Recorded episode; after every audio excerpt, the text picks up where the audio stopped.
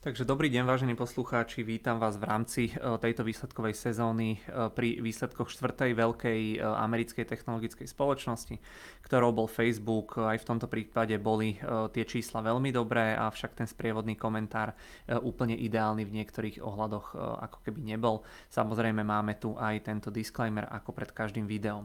No a ak teda prejdeme k tomu samotnému, k tým samotným číslam alebo výsledkom, tak môžeme vidieť, že firma alebo teda analytici očakávali zisk na akciu e, niekde na úrovni 3,03 amerického dolára, realita bola niekde na úrovni 3,61 amerického dolára, čo bolo teda prekonanie odhadov o nejakých 19%. E, očakávané tržby boli niekde na úrovni necelých 28 miliard amerických dolárov, realita bola tesne nad 29 miliardami amerických dolárov, to znamená, že tamto prekonanie bolo niekde na úrovni alebo okolo úrovne o 4%. Tu môžeme vidieť e, grafické vyjadrenie vytvorenie prekonania e, zisku na akciu a prekonania e, tržieb. E, okrem teda týchto dvoch metrik Facebook zverejňuje ešte aj nejaké iné čísla. Počet denných aktívnych užívateľov bol 1,91 miliardy, čo bolo úplne presne v súlade s očakávaniami. Ten počet tých denných aktívnych užívateľov to sú ľudia, ktorí aspoň raz denne využijú teda túto službu. Počet mesačných aktívnych užívateľov bol na úrovni 2,9 miliardy, tam sa očakávalo 2,91 miliardy, takže tiež to bolo len veľmi veľmi tesne o niekoľko desatiniek percenta. E, priemerná tržba za užívateľa za kvartál bola 10,12 amerického dolára, zatiaľ čo sa očakávalo 9,66 e, dolára, takže tamto prekonanie bolo o približne 5%. E, medziročný rast tržie bol na úrovni 56%, minulý kvartál to bolo 48% a ide teda o najväčší rast od roku 2016, takže naozaj veľmi úspešný kvartál podľa číselného vyjadrenia pre Facebook. Facebook tiež spomenul, že priemerná cena za reklamu bola vyššia o nejakých 47% a počet reklam bol vyšší o 6%, takže rástli aj ceny, aj objem. E, Facebook má ešte okrem reklamného biznisu aj taký mikrosegment Other, v ktorom má napríklad aj spotrebnú elektroniku, Oculus a podobne. Ten vygeneroval nejakých 497 miliónov USD, čo je e, o cca 28% menej e, ako to, čo sa očakávalo. Tam tie očakávania boli niekde na úrovni 685 miliónov, ale v tom globálnom kontexte naozaj ide o veľmi maličký segment pre Facebook. E, voľný cash flow, ten sa očakával niekde na úrovni 9,08 miliardy, realita bola 8,51 miliardy, takže to je menej o nejakých 6%. Avšak asi takým uh, najväčším problémom uh, toho Facebooku v rámci výsledkov bol aj sprievodný komentár, v ktorom Facebook uviedol, že tempo rastu tržieb sa bude pochopiteľne spomalovať, pretože sa budú tie kvartály porovnávať už ako keby s, ďalšími dobrými kvartálmi z minulého roka, to znamená s tretím a štvrtým kvartálom toho minulého roka, takže keď tá základňa bude vyššia, tak aj ten percentuálny rast bude pôsobiť, že je menší, ale to Facebook myslím spomínal už minule a tam sa očakáva, alebo analytici očakávajú za tretí kvartál tohto roka rast už len v úvodzovkách o 31%. Tie tržby by mali byť 28,22 e, miliardy. E, rodina aplikácií, to znamená, tam patrí Facebook, Messenger, WhatsApp a Instagram, všetky tieto veci patria pod Facebook. Mesačne ich využíva 3,5 alebo 3,51 miliardy používateľov. Minulý kvartál to bolo 3,45 miliardy, takže aj tu bol mierny nárast. V USA ostal počet denných užívateľov stabilný, 195 miliónov, v Európe poklesol z 309 na 307 miliónov. E, Zuckerberg potom v rámci teda e, tých výsledkov hovoril aj o tzv. metaverse, to by malo byť nejaké virtuálne prostredie, kde sa do budúcna budete môcť stretávať s inými ľuďmi, takže asi niečo, v čom mu má do, dopomôcť ten e, Oculus a nejaké tie nástroje na rozšírenú realitu. Ja som bol v rámci tých výsledkov asi najviac vedavý na dopad iOS 14.5 operačného systému od Apple, ktorý komplikuje cielenie reklám, ale na ziskoch a tržbách sa to moc e, nepodpísalo.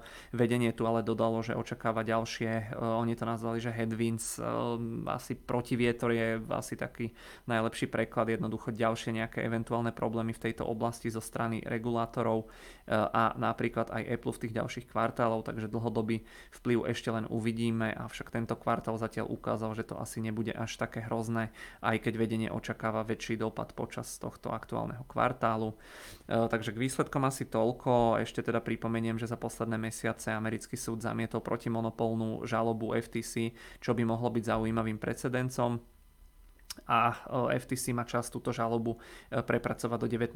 augusta, ak chce Facebooku dokázať, že je monopolom a uh, teda za tie posledné mesiace sa do Facebooku ešte pustila aj Bidenová administratíva, ktorá tvrdila, že Facebook nerobí dosť proti uh, dezinformáciám, ktoré sa často cez Facebook šíria a často odradzajú ľudí od očkovania. V jeden moment dokonca Joe Biden uviedol, že tieto dezinformácie zabíjajú uh, ľudí a Facebook ešte uviedol, uh, že spolu teda aj so spoločnosťou Google budú vyžadovať pri návrate do kancelárií od svojich zamestnancov aj teda uh, očkovanie, takže akcie akcie na to nereagovali úplne ideálne. Myslím, že v tom aftermarkete odpisovali zhruba nejakého 3,5%, hlavne teda kvôli obavám z tých ďalších nejakých regulačných vecí, zo zníženia tempa rastu tržieb a podobne, ale samotné čísla samé o sebe boli naozaj veľmi dobré. E, tu môžeme vidieť vývoj e, počet, alebo počet, vývoj počtu mesačných aktívnych užívateľov. E, vidíme, že momentálne sa nachádzame niekde už skoro na 3 miliardách, že to dlhodobo rastie. Čo je dôležité je average revenue per user, to znamená to, koľko jeden užívateľ vygeneruje Facebooku, tam sa tiež nachádzame na rastovom trende alebo trajektórii, takže pozitívne. Keď sa pozrieme na čísla Facebooku, tak tam môžeme vidieť, že naozaj v porovnaní s rovnakým kvartálom predchádzajúceho roka nárast o 56%, nárast EPS zisku na akciu o 100%, takže naozaj Facebook vysoké marže okolo okolo nejakých 35%. E, do budúcna sa počíta s ďalším výrazným rastom aj z hľadiska tržieb, aj z hľadiska teda ziskov, takže vyzerá to, vyzerá to všetko pozitívne a keď sa chcete pozrieť na nejaké konkrétne menšie e, alebo čiastkové čísla, opäť môžeme vidieť prvý stĺpček realita, druhý stĺpček očakávanie. Tieto hodnoty, ktoré sú väčšinou zelené pod sebou, sú prekonanie.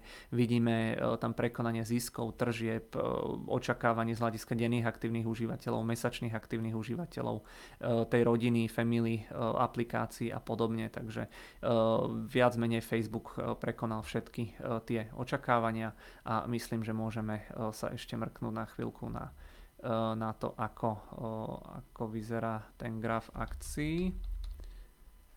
A na to, keď sa pozrieme, tak vidíme, že Facebook, dáme ešte nejaký takýto vyšší time frame, že Facebook veľmi výrazne rastie od tých minuloročných miním. Tam môžeme vidieť, že vzrastol nejakých 170%. Keď si dáme dlhodobé hľadisko, tak naozaj je to akcia v nejakom rastovom trende. A čo som spomínal, tak po zverejnení tých výsledkov e, Facebook e, odpisoval možno nejakého 3,5%, takže mal by otvoriť niekde túto. Inak tento rast bol spôsobený výsledkami Twitteru, ktorý minulý týždeň reportoval veľmi dobré čísla, takže tam sa očakávali podobne dobré čísla aj od Facebooku, ktoré v konečnom dôsledku dôsledku aj prišli, e, ale tá akcia zatiaľ na tie čísla nereaguje moc pozitívne, takže sa v podstate vrátime tam, kde e, sme boli. E, za mňa teda všetko v tejto chvíli. Ďakujem za pozornosť. Zajtra nás čaká posledná veľká technologická spoločnosť, ktorou je Amazon. Myslím, že potom neskôr tam máme ešte Berkshire Hathaway, takže budem určite spracovávať aj minimálne tieto dve spoločnosti. Takže ďakujem v tejto chvíli veľmi pekne za pozornosť a želám príjemný zvyšok dňa.